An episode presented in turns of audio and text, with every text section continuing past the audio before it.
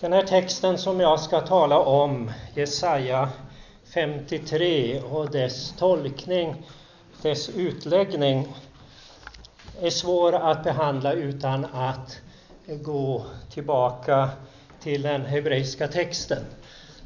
Den texten är så kompakt, så komprimerad och så fylld av innehåll att när man försöker översätta den så blir man aldrig riktigt nöjd.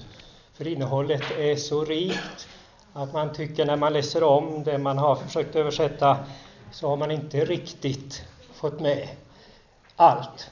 Och när jag nu har förberett det här föredraget så har jag också hittat ett och annat som man skulle vilja översätta kanske eh, annorlunda.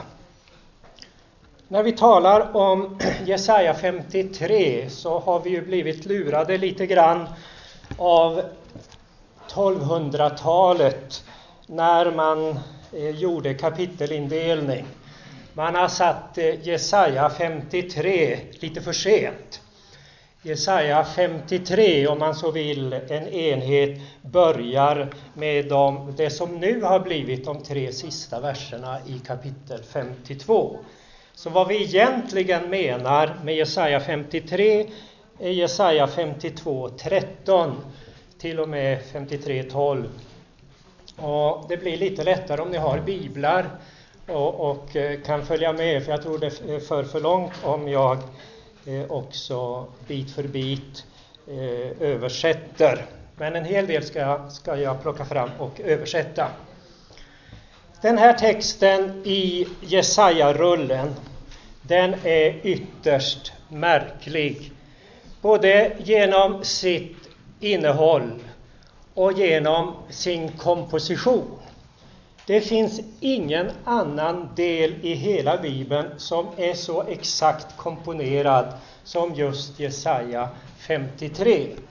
Och det finns ingen del, vad jag vet, i hela Bibeln som är så exakt komponerad som det kapitel Jesaja svarat för som följer på berättelsen om den stora frälsningen undan den assyriske kungen år 701 f.Kr. Det var en stor frälsning. Det var en enorm frälsning. Det var en predikan om Guds storhet och om hur frälsaren är, men ändå bara en blek skugga av den verkliga frälsningen och frälsaren. Och skuggans substans, själva uppfyllelsen, den ges just i kapitel 40 till och med 66 och exakt i mitten i denna redogörelse finns just Jesaja 53. Allting är ordnat runt omkring Jesaja 53 och då är det hela tiden ett tredelat system. Men Jesaja 53 som den enda texten består av fem delar. Och då får man en mitt i, i den kompositionen. Så del 1 svarar mot del 5, del 2 mot del 4 och del 3 är exakt i mitten. Och jag kommer snart till mitten av mitten av mitten.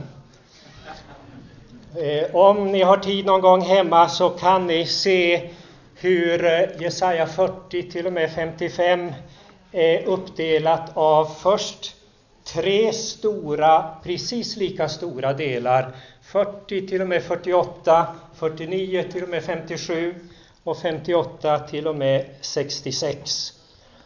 Och går man sen till de här stora delarna så finner man att var och en av dem är indelad i tre delar. Så 40 till och med 48 består av 40 till och med 42, 43 till och med 45 och 46 till och med 48. Mittpartiet 49 till 57 består av tre precis lika stora delar 49 till 51, 52 till 54 och 55 till, 5, till och med 57.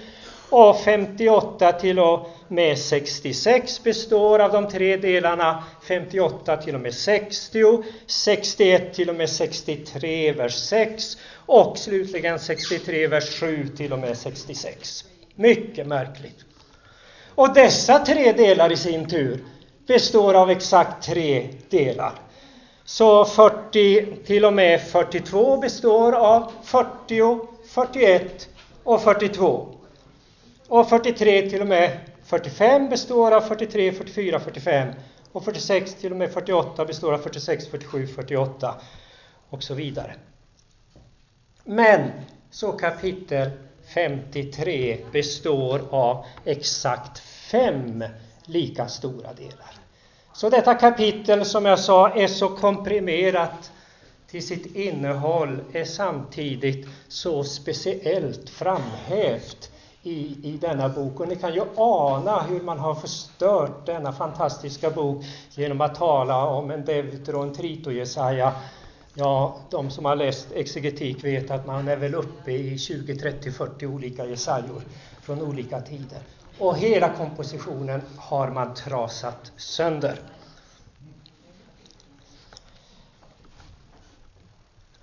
Vi har alltså ett centrum, en mittpunkt som klargör vad egentligen frälsningen från synden innebär och hur denna frälsning och frälsare ser ut. Och det är det kapitlet vi nu ska eh, stanna inför. I mitten av mitten av mitten har vi alltså de här kända orden. Han var genomborrad för våra överträdelsers skull, slagen för våra missgärningars skull. Straffet var lagt på honom för att vi skulle få frid och genom hans sår är vi helade. Eller har det botats för oss, riktigt ordagrant. Vi ska nu beröra då de här, de här fem delarna och jag börjar då med den första delen som är Jesaja 52, 13 till och med 15. Och över den delen skulle man kunna sätta rubriken Tjänarens höghet och förundransvärda uppdrag. Anmärkningsvärda, förundransvärda, så förundransvärda att man står där alldeles förstummad inför hans eh, uppdrag. Tjänaren, ja det skulle ju vara Israel. Israel hade utvalts att vara Guds tjänare. Men, säger profeten, min tjänare är döv och min tjänare är stum. Min tjänare har djupt fallit. Men här talas om den sanne tjänaren. Och det markeras då i grundtexten med ett kraftigt utrop.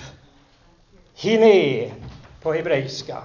Som eh, ibland är svårt att översätta i riktigt flytande svenska. Men ibland kan man också behålla ett ordagrant se. Observera. Observera vad då? Jo, den här tjänaren som nu Gud talar till oss om genom sin profet. Han är inte döv och stum. Han är inte en otrogen tjänare.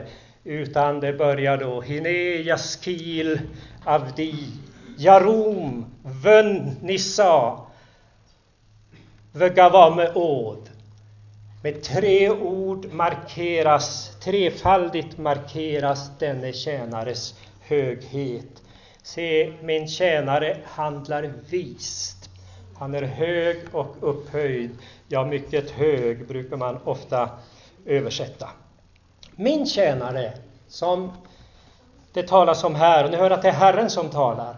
Det är inte profeten som säger min tjänare, tjänaren till mig, utan det är Herren själv som talar om Messias. Se, min tjänare ska handla vist. Och så översätter också Luther och jag blev uppmanad att kanske påpeka lite hur Luther eh, tolkar, så jag plockar in Luther lite här och där i detta föredrag. Luther översätter Sie mein Knecht wird weislich tun. Och det är helt ordagrant. Tjänaren kan man säga är visheten personifierad, precis som det framställs i Ordspråksboken 8.22 och, och framåt. Tjänaren enligt Ordspråksboken 8 är av evighet från begynnelsen innan jorden fanns, läser vi där. Verklig vishet, vad är det? Det är att vara ett med Guds vilja. Det är den sanna, djupa, verkliga eh, visheten. Ett med Gud. Och den tjänare som ska bli genomborrad för vår skull är just visheten. Den kommande tjänaren, säger Jesaja, ska vara hög och upphöjd, ja, mycket hög. Men hur stämmer det med det man eh, upplevde när Jesus, Messias, kom? Var han hög och upphöjd? Mycket hög. Eh, han var föraktad och övergiven. Och hur går det ihop här då i Jesaja? Har Jesaja en helt annan undervisning om tjänaren? Nej, den trefalt höge blir djupt föraktad, misshandlad, förvrängd. Och här kommer vi in på en ganska eh, eh, märklig sak i, eh, i texten. Men först Jesaja skriver redan i kapitel 40, en röst ropar i öknen, bered väg för Herren, banan jämn väg i ödemarken för vår Gud. Lägg märke till att den som rösten, den som Herrens utsände, Johannes döparen bereder väg för, kallas för Herren och kallas för vår Gud. Ibland brukar man sväva på målet. Men det är sagt om och om igen, inte bara hos Jesaja, att tjänaren är ett med Gud, ja, Gud själv, Herren själv som kommer, utan också andra profeter, som till exempel Hesekiel skriver, så säger Herren, JHVH, jag ska själv söka upp mina får och ta mig an dem. Messias kallas hos Hesekiel i 34 kapitlet på en gång för David, han är en människa och samtidigt så är han Herren själv som kommer och söker upp sina får. Likväl anger Jesaja något märkligt. I de två inledande delarna av den femfaldiga presentationen av Messias. Den trefalt höge ska komma i stor ringhet och bli föraktad. Och det blev en stor anstöt för eh, många. Liksom många häpnade över dig, står det. Och nästan alla översättningar ändrade där till över honom, så att det talas om tjänaren. Men här säger Herren, liksom många häpnade över dig. Och man kan ju undra, vem är denne dig? Jag för min del tror, liksom många häpnade över dig, du Jesaja. Och hittar vi ställen i Jesaja-rullen där man häpnar över Jesaja, flera ställen. Flera ställen där man häpnar över honom, över hans förkunnelse, också när han förkunnar med, eh, eh, som man kallar det, vad säger man nu på svenska, när man förkunnar med handlingar. Profetiska symbolhandlingar. Och det gjorde Jesaja bland annat då när folket hamnar i, eh, eller ska hamna i fångenskap. Han går naken och barfota i tre år. Förundransvärt och märkvärdigt. Och de undrar vad är det frågan om? Liksom många häpnade över dig, så ska man än mer häpna över den sanne tjänaren på grund av hans förnedring och att han offrar sig själv i alla människors ställe. I eh, den fjortonde versen, och här stapplar ofta vi översättare när vi, vi ska översätta, där det står Ka'ashar shamemu alecha, liksom man häpnade över dig, och liksom många häpnade över dig, så kommer det sen ett par ken i hebreiskan. Ken, säger man, och man, det betyder i regel så, på så vis. Så, men här gör liksom texten en, liksom hajar till en paus. Varför häpnar man? Jo, så mishat med Ishmarihu, för Toarom ibn Adam. Så, och nu översätter jag inte ordet mishat än så länge, ni får suga på det ordet och gå och säga mishat resten av veckan. Så mishat från människor var hans utseende och hans gestalt från eller bortifrån, Adams barn. Vad är detta mishchat? Ja, det är ett ovanligt ord. Det förekommer som både moshat och mishchat. Och det verkar som innebörden, man, man tror det ganska allmänt, att eh, om, det, om det skulle stå morschat så bör det ha, eh, eller stå mishchat, så bör det ha betydelsen vanställd, fördärvad eller något eh, åt, åt det hållet. Men termen morschat är en teknisk term för sådana offerdjur som inte får offras. Det är en teknisk term för de djur som det är förbjudet att offra. Det var en frestelse när man skulle offra. Vi tar det där djuret, det är ändå lite skadat. Det har ett öra för långt eller det, det är halt på vänster ben eller det är onyttigt eller skadat på något sätt. Och enligt Torah så var det kraftfullt betonat att offret skulle vara ett fullkomligt djur. Och i synnerhet om lammet som står där som ett syndoffer så skulle det vara ett fullkomligt djur, årsgammalt djur av hankön. Det skulle vara bästa exemplar. Man fick inte offra någonting som, som var vanställt eller hade ett ly, lyte. Och det kan ni läsa om i tredje Mosebok 22, 25. Och vi vet ju också hur påskalammet, det felfria lammet, är en förebild för Messias.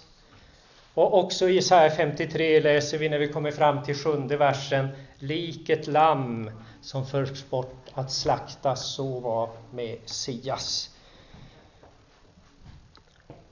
Den enda, en enda felfri syndfri människa efter syndafallets dag. Gudamänniskan Messias betraktas som något värdelöst, oduglig. Bort med honom. Väck med honom. Han är den enda fullkomlige, betraktas precis som ett offerdjur som inte får offras. När jag läser de här orden eh, i fjortonde versen så kan jag inte låta bli att tänka på de blodiga bilderna av Jesus i filmen The Passion of the Christ. Där eh, fångas ju hur Jesus är tyst inför dem som vanställer honom, misshandlar honom. Och vi som har sett filmen vet hur vi riktigt kryper ihop när vi ser hur fruktansvärt misshandlad eh, detta offerlamm blir, som då är det fullkomliga offret. Nå, efter det här, eh, när profeten här liksom stannar till, han har talat om den trefalt höge och så kommer han in på att han är ett mishchat med ish.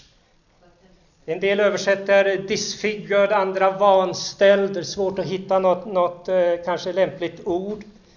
Ett förbjudet offer så är han som sådan den, och just genom att vara så föraktad, genom att vara så bortstött, just därigenom så fullgör han försoningen. Så kommer Ken tillbaka i den femte, Eh, femtonde verserna, där tycker jag vi kanske i folkbibeln har missat genom att inte åter, återge det. Där eh, Luther får med det väldigt bra. Han säger alltså, just genom att vara så föraktad så bestänker han många folk. Ken Yase Gojim, Gojim Rabim. Så ska han bestänka, på så vis, på det viset. Alltså genom att bli så föraktad ska han bestänka många folk. Och de som läser Gamla Testamentet vet vad, vad det står för, att bli bestänkt enligt eh, de levitiska lagarna. Eh, och det här är så anmärkningsvärt så det står att kungar ska tillsluta sin mun. Ty det som inte har berättats för dem får de se och det som de inte har hört, det får de grunna över. Ordagrant står det så. Grunna över, men det är lite svårt att skriva så i en översättning. Får det verkligen liksom tänka efter.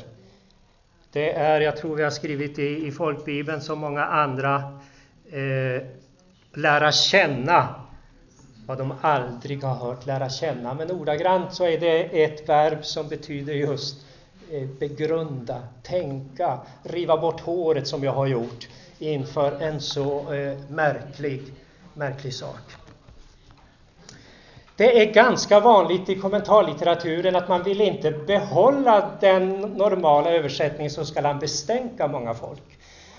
Utan man tänker, eh, parallellismen kräver väl att det här ordet jazé här måste härledas på något annat vis. Men man har svårt att hitta någonting. Man har hittat en arabisk stam som skulle betyda att man liksom hoppar upp av förvåning. Och så, och så försöker man eh, den varianten, det gör också naturligtvis Bibel 2000. Det finns ingen anledning här att frångå den första och naturliga innebörden i jazé som är just bestänka. Och många folk så står det alltså gå giv. Det är alltså inte bara Israel utan alla folkslag, alla hedna folk. Jag måste väl nämna hur eh, Luther översätter eh, detta ställe. Aber also wird der viel Heiden besprängen. Och det är eh, helt korrekt. Några här Moschat och Mishkat har jag funderat mycket över och jag vet inte om jag har funderat färdigt på det, men det är ett ord som är uppseendeväckande och det är alltså ett hapax legomenon som är med, med, eh, om man har masoreternas punktation här, Mishkat.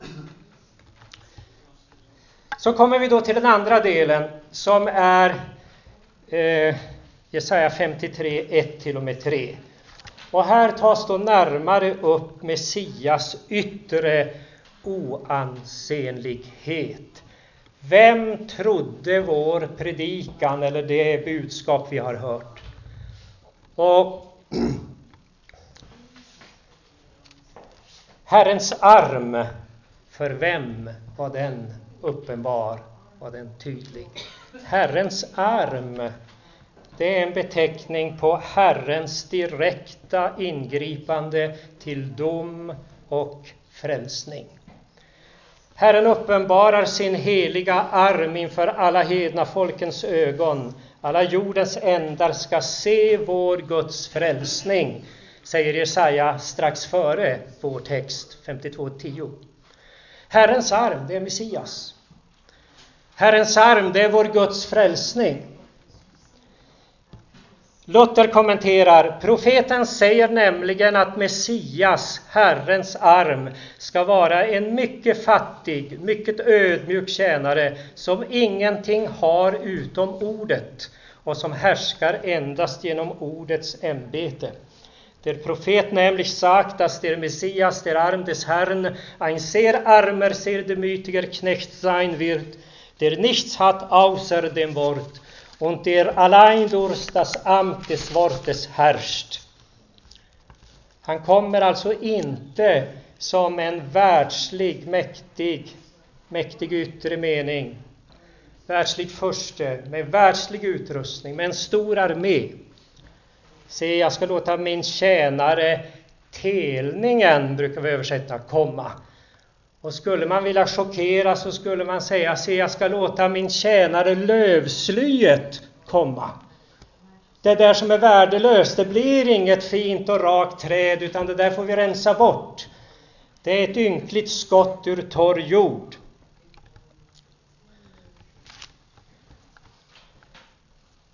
Och profeten Sakarja han fortsätter, jag ska utplåna detta lands missgärning på en enda dag. Efter människors sätt att se svarar alltså inte tjänarens yttre framträdande mot hans trefalt höga väsen.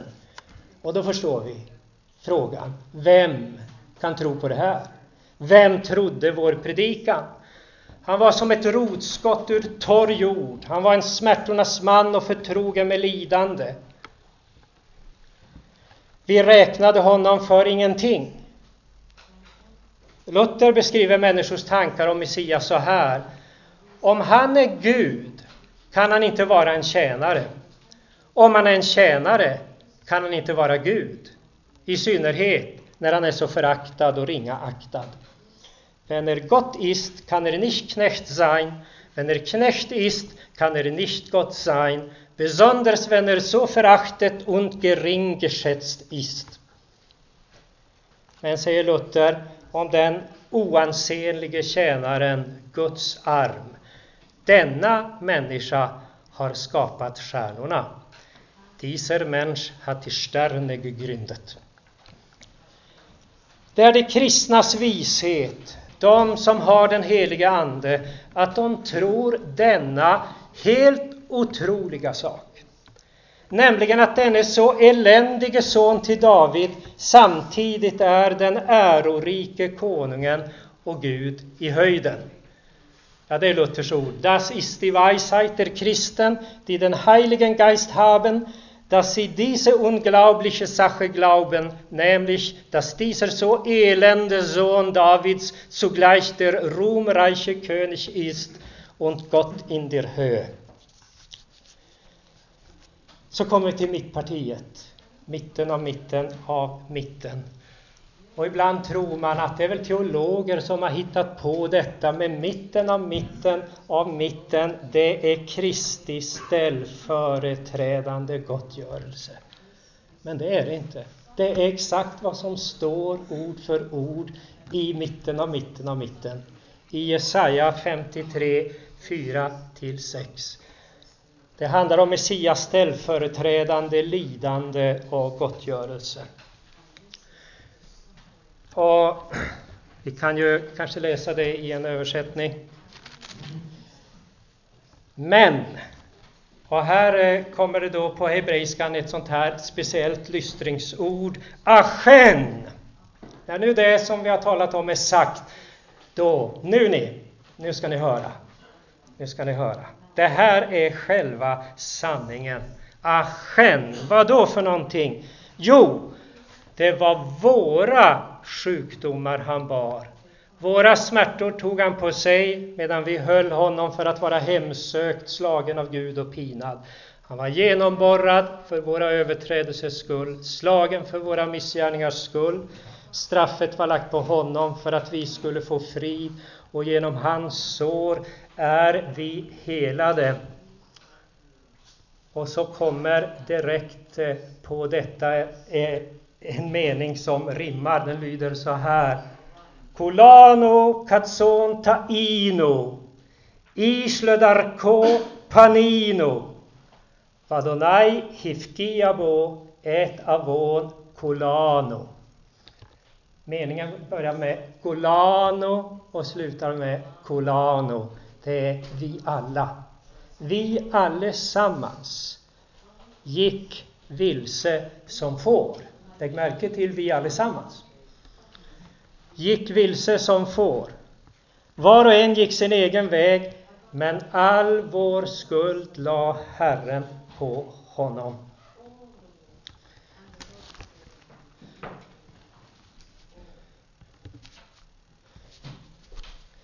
Messias, eller människans svåraste sjukdom som ingen människa kan bota, vad är det? Det är synden. Ingen människa kan bota den sjukdomen. Läkarna får bli hur skickliga som helst, kan icke bota denna sjukdom. Endast genom Messias ställföreträdande gottgörelse kan friden med Gud återskapas. Och det är den lära med vilken kyrkan står eller faller. Messias satisfactio vicaria. Det är alltså ingen teologisk uppfinning vid sidan av skriften. Den är klart förkunnad av Jesaja i hans budskaps innersta centrum, ja, i hela skriftens innersta centrum. I vers 4 kommer ett betonat ”men vi” efter meningen om att han bar hela vårt syndafördärv som en tung börda. Verbet saval betyder ordagrant bära en tung börda. Men vi hjälpte vi till att bära bördan. Det finns väl ingen psalm som jag tycker mer illa om än den där Gud har inga händer, händerna har vi. Och när man sätter in det i det där sammanhanget att om inte vi hjälper Herren, då går det inte. Men här lärs någonting annat. Vi gick alla vilse. Han bar ensam den tunga bördan. Vi hjälpte inte till, stöttade inte, hjälpte inte till. Tvärtom, vi gjorde den än tyngre genom vår otro. Luther säger Messias har ingenting fått av oss annat än död och arbete. Fastän lagen klargör att försoning med Gud bara kan åstadkommas genom att en oskyldig ställföreträdare tar på sig vår synd, så var vi blinda för Herrens arm. Enligt lagen skulle syndaren lägga sin hand på djurets huvud, tredje Mosebok 4. Eller ordagrant, låta sin hand vila tungt på djurets huvud, samach. Han ska lägga sin hand på bockens huvud och sedan slakta den inför Herrens ansikte. Och när nu den sanne tjänaren fullbordar vad lagen tydligt undervisar om, tror vi inte vad som predikas för oss. Utan vi tror Ja, vad tror vi? Det står ju i texten. Vi tror att tjänaren svårt slagits av Gud för sina egna synder. Precis som tjänarens höghet i inledningsorden markerades, kommer ni ihåg det, med, med eh, tre ord? Så markeras här vad vi tror om orsaken till tjänarens djupa lidande, också det med tre ord. Tjänarens stora lidande och djupa förnedring karaktäriseras med orden Nagua, Moke, Meone. Straffad av Gud, slagen av Gud och pinad. Han hade förtjänat det och på ett sätt var det ju sant, men inte så som människorna trodde. Han eh, tog på sig det som vi hade förtjänat på grund av alla våra synder. Med ett emfatiskt behov. och det kan nästan alla förstå vad det betyder, ibland behöver man inte översätta hebreiska. Vehu, det hörs ju att det betyder, men han. Med detta emfatiska men han klargörs i vers 5 det rätta förhållandet. Och starkare ord än genomborrad och krossad kan inte språket erbjuda för att beteckna tjänarens oerhörda och genomgripande lidande och död. Men inte för sina egna synders skull, utan för våra överträdelsers och missgärningars skull. Det är utifrån texten omöjligt att likt de flesta bibelkritiker hävda att tjänaren här betecknar folket Israel, eller åtminstone det fromma i Israel. Han, den sanne tjänaren, ställs i kontrast mot oss. Vi, i vers 6. Vi, vi som skulle vara Guds trogna tjänare, vi som skulle vara ett, ett sant Israel som tjänade Herren och lyssnade i allt till Herrens röst. Vi var blinda, döva, otrogna tjänare. Vi alla, varenda en, gick vilse som får, irrade hit och dit och bort från vår gode herde. Ja, varenda en. Luther, eller på tyska blir det ein jeglicher. Vek av till sin egen väg. Vi var inte intresserade av Guds väg, eller så förväxlade vi våra egna syndiga intressen med Guds väg. Det är ganska vanligt. Och efter syndafallet har vi av naturen en annan vilja än Guds och vi vill ständigt sätta vår vilja och våra tankar över Guds. Ja, till och med ledarna, Till och med jordens herdar vill alla gå sin egen väg, var och en söker sin egen fördel allesammans, säger Jesaja lite senare, Jesaja 56.11. Bara en sak till i detta mittavsnitt. Den hebreiska grundtexten använder i vers 5 de starkaste orden för synd. Det är persa och det är avon. Men inte nog med det, använder persa och avon i pluralis. Persa betyder uppror, omstörtning, revolt mot Gud och avån krokigt handlande och det som blir följden av krokigt handlande, korrupt beteende, nämligen skuld. Och vad innebär då pluralformen här? Jo, den innebär att vi om och om igen gjort uppror mot Gud och genom ett krokigt handlande ådragit oss skuld. Och så det fjärde avsnittet, 53, 7 till, till 9. Ni som inte har biblar så kan jag ju läsa det i översättning. Han blev misshandlad men han ödmjukade sig och öppnade inte sin mun, lik ett lamm som förs bort till att slaktas, lik ett får som är tyst inför dem som klipper det, så öppnade han inte sin mun. Genom våld och dom blev han borttagen.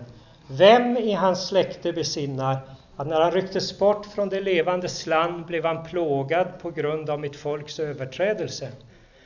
Bland de ogudaktiga fick han sin grav, men hos en rik var han i sin död eftersom han ingen orätt gjort. Svek fanns inte i hans mun. Den här, den näst sista av de fem delarna om den höge tjänarens djupa förnedring och ställföreträdande gottgörelse betonar hur denne tjänare frivilligt, frivilligt, tyst och ödmjukt låter sig misshandlas och gisslas. Han liknas vid ett lamm som förs bort till att slaktas. Han var ju det Guds lamm som alla offerlammen i Israels dagliga offer pekade fram emot. Den ödmjuke tjänaren fördes bort. Han utsattes för våld och han blev dömd. Han blev avskuren från det levandes land, det vill säga avrättad. Straffet lades på honom på grund av mitt folks uppror, står det i vers 8. Och vers 8 innehåller en rad som är svåröversatt och det kanske jag antydde inledningsvis att det finns ställen som man får grubbla länge på om man fångar riktigt exakt vad som står. Och det finns en del ord som är svåra.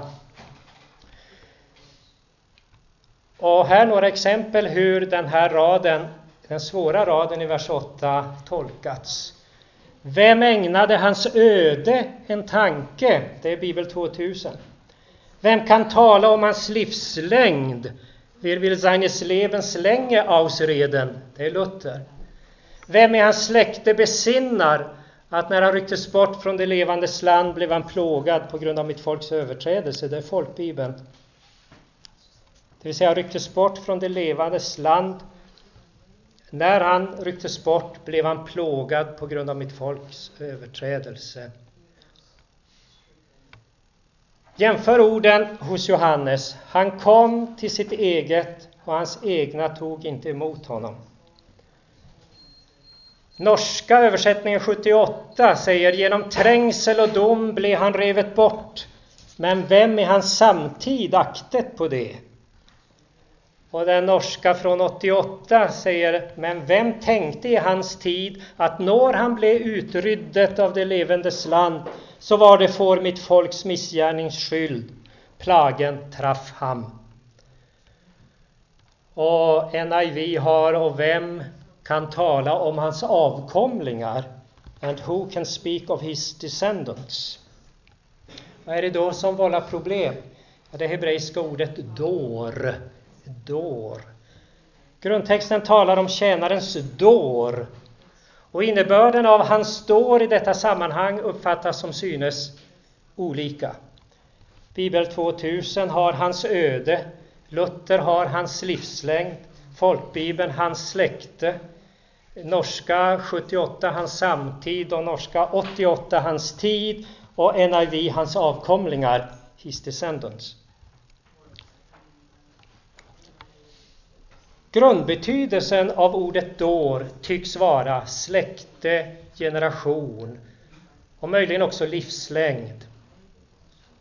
Det förekommer mycket ofta i uttrycket från släkte till släkte, eller ordagrant på hebreiska, vilket inte går att överföra direkt till svenska, men tar man det ord för ord så blir det eh, för släkte och släkte.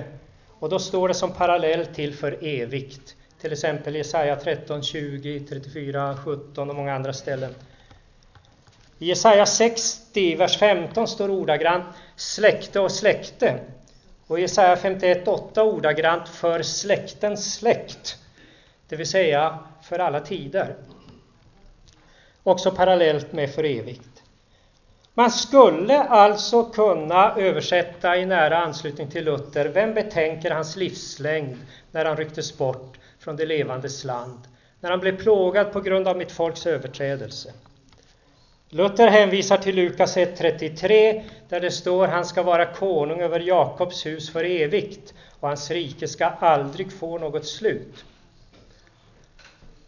Och Luther ger följande kommentar i anslutning till grundtextens ord dår. Denna dagarnas varaktighet eller längd eller antalet år som han ska regera ska ingen kunna tala om, för han är en evig konung. Och Luther påpekar också om Kristus måste dö så kan följaktligen inte hans rike vara ett fysiskt rike i den här världen som judarna drömmer om. Wenn Christus sterben musste, so kann folglich sein Reich nicht ein leibliches Reich, Reich sein in dieser Welt, Vide Juden träumen. Man hade bestämt hans grav bland de gudlösa, står det. Och sen kommer det lite plötsligt och märkligt. Men hos en rik var han i sin död, för han hade ingen orätt gjort. Svek fanns inte i hans mun. Hos en rik. Ja, det kan syfta på att en rik man tog hand om hans kropp och att denne rike man gav honom sin egen grav, sannolikt av tacksamhet över att Messias dött i hans och allas ställe och att han fått sina ögon öppnade för denna sanning. Och man kan fråga sig om inte Matteus haft Jesaja 53, vers 9 i tankarna när han i Matteus 27, 57, 60 berättar följande om Josef av Arimatea.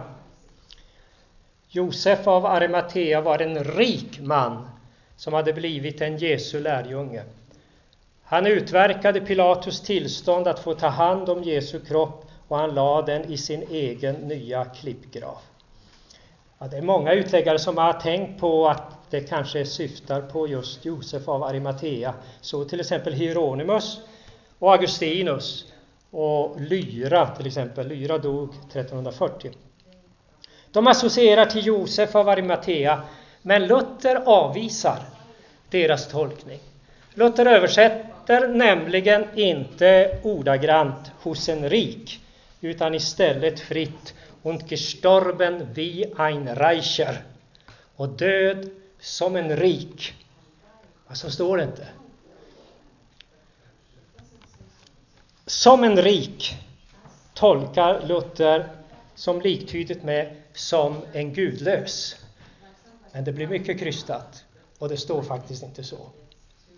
Och det händer nu och då att, att Luther är ganska så fri. Men han får ju, när Luther är fri, så får han alltid fram en, en sanning som också är sann, som stämmer med annat. Han blir betraktad som en, en gudlös. Men det är inte det som står just, just här, utan det står hos en rik.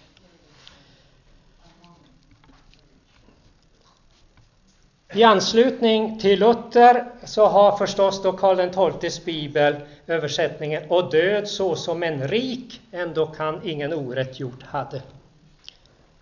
De norska översättningarna 1930 och 1908 har enligt min mening helt korrekt, men hos en rik var han i sin död, fordi han ingen orätt hade gjort. Här är en märklig sak till, uttrycket i sin död. Det används i Gamla testamentet i betydelsen när han var död. Men det är något märkligt här. Det kan observeras att död här står i pluralis. Det går inte att säga på svenska i sina dödar. Men kunde man det så skulle ni förstå vad som står.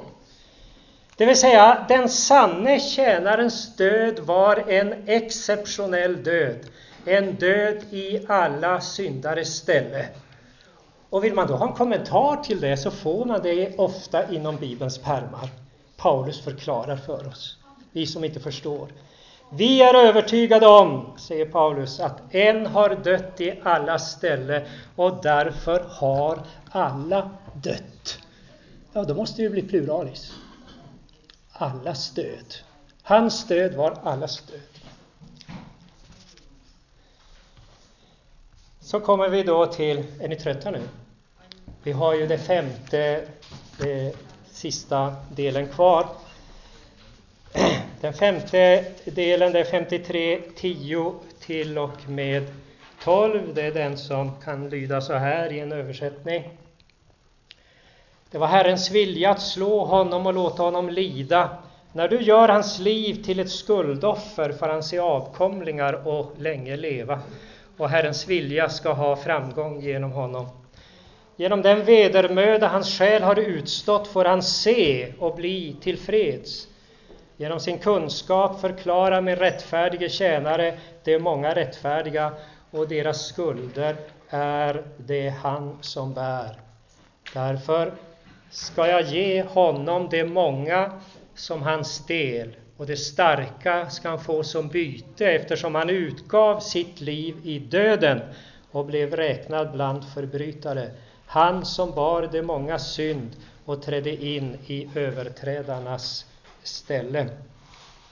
Den här avslutande delen i vår text den börjar i grundtexten med ordet Herren. Och vad betonas då med den inledningen? Jo, det som skedde. Hur märkligt och häpnadsväckande det än var, så var det Herrens vilja. Här betonas att Messias lidande, ställföreträdande försoningsstöd, var Herrens vilja.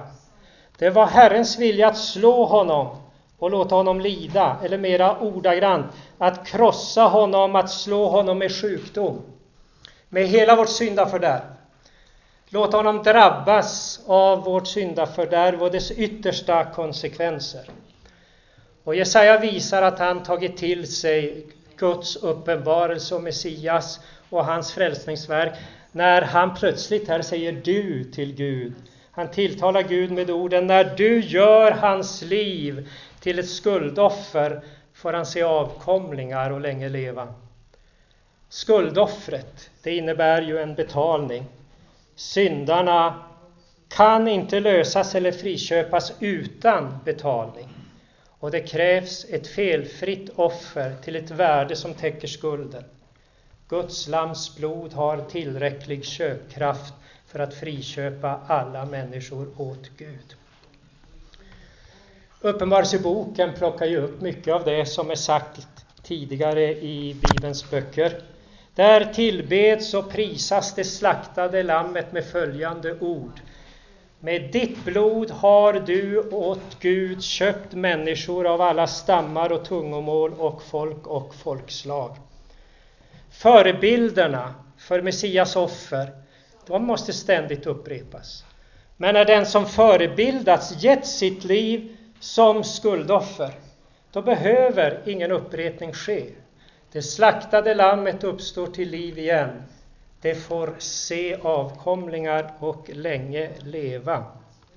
Den uppståndne Jesus säger till Johannes, jag var död och se, jag lever i evigheternas evigheter och har nycklarna till döden och helvetet. Och Luther kommenterar orden, han ska leva länge, er wird in die Länge leben. med orden det betyder evigt, das heißt ewiglich. Messias återvändande till livet är en följd av hans själs möda, står det. Genom att han helt gick in under Guds vilja, var lydig Fadern i allt och tåligt led och dog för hela mänsklighetens synd mot Gud, får han se och bli tillfreds. Har har tänkt så märkligt det är, alla vill ju peta in något ord där, men hebreiskan säger får han se. Och har ni tänkt en död, då ropar men titta! Eller jag ser! Den döde kan ju inte se någonting, så det är så stort i sig bara att se så att här tas inte något objekt med. Man vill ju gärna lägga till för han ser ljus eller för han ser liv eller för, för han ser efterkommande eller någonting. Men grundtexten har bara, han får se, han ser igen. Det vill säga den döde har fått liv igen och han är tillfreds. Det var ingenting som han säger, jag är inte riktigt nöjd. Jag fick inte till det riktigt ordentligt. Jag har inte fullkomligt sonat allt, utan här betonas det att det är helt tillfredsställande i alla avseenden. Han får se och han är tillfreds. Han har livet tillbaka. Som fullkomlig var han ett omöjligt byte för döden. Döden kunde inte behålla honom. Luther kommenterar Kristus ska se frukten av sitt lidande, sin uppståndelse. Tjänarens fullkomliga enighet med Gud kan också uttryckas med orden hans kunskap. Det har vi i vers 11. Där står i översättning då Genom sin kunskap förklarar min rättfärdige tjänare de många rättfärdiga. Ordet da'at, kunskap, bildat av verbet jada, det är ett rikt ord. Det innefattar intim gemenskap. Det används ju också om den intima sexuella gemenskapen. Så man säger inte han hade kunskap om sin hustru och hon blev havande, utan man översätter han kände sin hustru så betyder det han hade gemenskap, nära, intim gemenskap. Och Messias har den nära gemenskapen med Gud Fadern. Det vill säga genom sin kunskap, genom att hans gemenskap med Gud var syndfri, var fullkomlig, så kan han förklara de många eh, rättfärdiga. Genom sin kunskap förklarar min rättfärdige tjänare de många rättfärdiga och deras skulder är det han som bär. En dogmatiker skulle kunna säga att orden genom sin kunskap syftar på Messias aktiva lydnad och orden deras skulder är det han som bär syftar på Messias passiva lydnad. Men eh, Luther här, han tolkar genom sin kunskap om den subjektiva rättfärdiggörelsen, alltså genom kunskap om honom. Det tror jag för min del inte är korrekt här, utan hela tiden är det handlar om vad Messias gör. Hela tiden vad Messias gör. Men som vanligt när Luther har en, en annan tolkning sådär, så får han ihop det. Det blir bibliskt i, i alla avseenden. Durch sein Erkenntnis tolkar han som genom kunskap om honom, alltså den subjektiva rättfärdiggörelsen, det vill säga trons tillit till och mottagande av den objektiva rättfärdiggörelsen. Luther kommenterar denna kunskap är tron själv. Diese Erkenntnis ist der Glaube selbst. Vers 12 slutligen säger följande. Därför ska jag ge honom som del det många och det mäktiga ska han få som byte. Tachat Asher, eftersom han he era tömde ut sig tömde sig lamavet, in i döden. Här måste jag ju få nämna, jag har inte sagt något negativt om Bibel 2001, eller har jag det? Men jag får säga en sak här. Så blir det ganska så förskräckligt när det här viktiga stället blir i Bibel 2000 eftersom han var beredd att dö. Det kan ju inte vara någon orsak till vår frälsning. Han var beredd att dö. Utan det var att han verkligen dog, helt och fullt. Inte någon skendöd, utan verkligen för oss. Och det har ingen som helst grund i, i grundtexten och inget svårt att översätta. Och det här att tömde ut sig, ni vet att Paulus anknyter till dessa ord i Filipperbrevet 2. Han tömde ut sig själv, ödmjukade sig och blev lydig ända till döden, döden på korset. Så det verkar som Paulus har precis Jesaja 53 framför sig.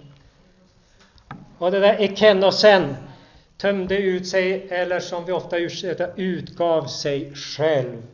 Och här eh, så är det svårt att översätta då tömde ut sig, utan det blir också i regel i översättningar då eh, eftersom han utgav sitt liv i döden. Det är orsaken till det segerbyte han har fått. Han är segraren och här skildras i tolfte versen då slutligen då hans segerbyte.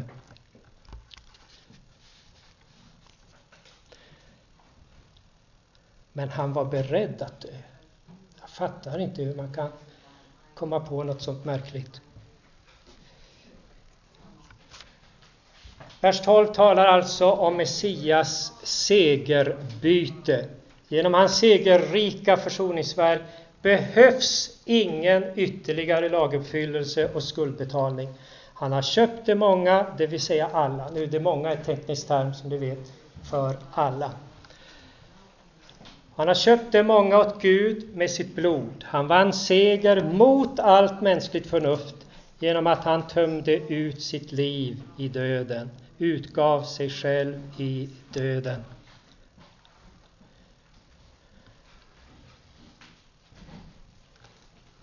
Jesus citerar det här stället själv i, enligt Lukas 22.37. Där står att Jesus sa till sina apostlar Jag säger er att på mig måste det ord uppfyllas som står skrivet. Han blev räknad bland förbrytare. Och det är exakt ett citat av vad som här står. Han fick detta segerbyte eftersom han utgav sitt liv i döden och blev räknad bland förbrytare. Och sen kommer själva avrundningen, sammanfattar om igen. Han som bar de många synd och trädde in i överträdarnas ställe. Och där står det sådär kraftfullt, liksom som avrundning. Veho! Ja, det var han. Och kom ihåg det här nu. Sagt det om och om igen, så sägs det igen. Kom ni ihåg detta. Veho shet rabim nasa. Vela pershaim jafkia. Så slutar den här eh, märkliga texten. De två sista raderna betonar alltså att det var han, Veho, han ensam, som bar de många synd och trädde in i överträdarnas ställe. Ja, verbet jafkia, det kan översättas med bad för, förbön. Men mera ordagrant så är det han träder in som medlare, han träder emellan. Och det innefattar att han ber för men jag skulle föredra översättningen trädde in, trädde emellan. Han ställde sig nämligen mellan överträdarna och det straff de förtjänade. Det kan alltså översättas med bad för och så gör Luther. Men han träder emellan. Han förbannar inte. Han önskar inte att hans mördare ska fördömas och straffas på grund av denna ytterst avskyvärda synd. Tvärtom förlåter han dem. Han ber för sina mördare, som evangelisten säger. Hans hjärta är fyllt av kärlek, förbarmande och mildhet. Ja, vem citerar jag nu? Luther förstås. Er Flucht nicht, er wünscht nicht, dass seine Mörder wegen dieser allerabscheulichsten Sünde verdammt oder bestraft werden. Vielmehr vergibt er ihnen noch dazu. Er bittet für seine Mörder, wie der Evangelist sagt, sein Herz ist erfüllt von Liebe, Erbarmen und Milde. När det står och det starka ska han få som byte, så är det intressant hur Luther associerar. Vad kan de starka vara? Jo, Luther säger lagen, döden och synden. Förstår ni hur Luther hela tiden, när han läser Bibeln så är det vård av hans själ. Och han vet att de starka, svåra fienderna emot oss, det är lagen, döden och synden. Och de har alltså Herren Kristus, min rättfärdige tjänare, övervunnit. Nu ska jag skona er från det sista jag skrivit här, nämligen kort om bibelkritikens tolkning.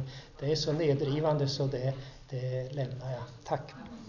Thank you.